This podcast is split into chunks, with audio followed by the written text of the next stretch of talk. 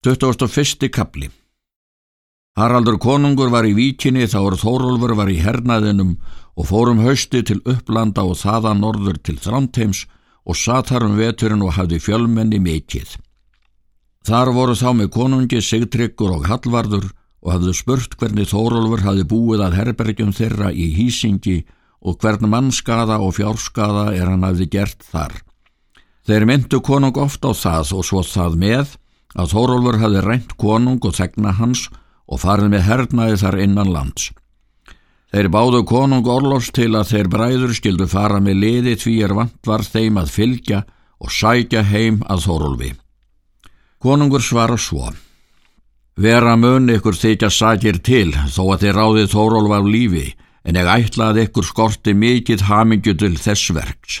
Er Þórólfur ekki ykkar magi þó að þið þykist vera menn hrustir eða vel að ykkur gerfir?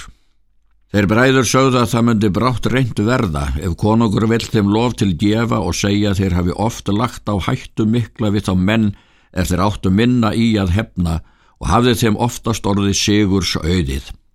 En er voræði þá bjögust menn ferða sinna. Þá var enn sem fyrr var sagt að þeir Hallvarður bræður heldu á því máli að þeir fari til og taki Þórólf af lífi.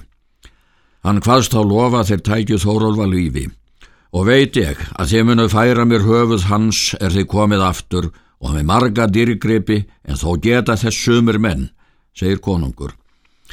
Ef þeir sigli norður að þeir munuð bæði sigla og róa norðan.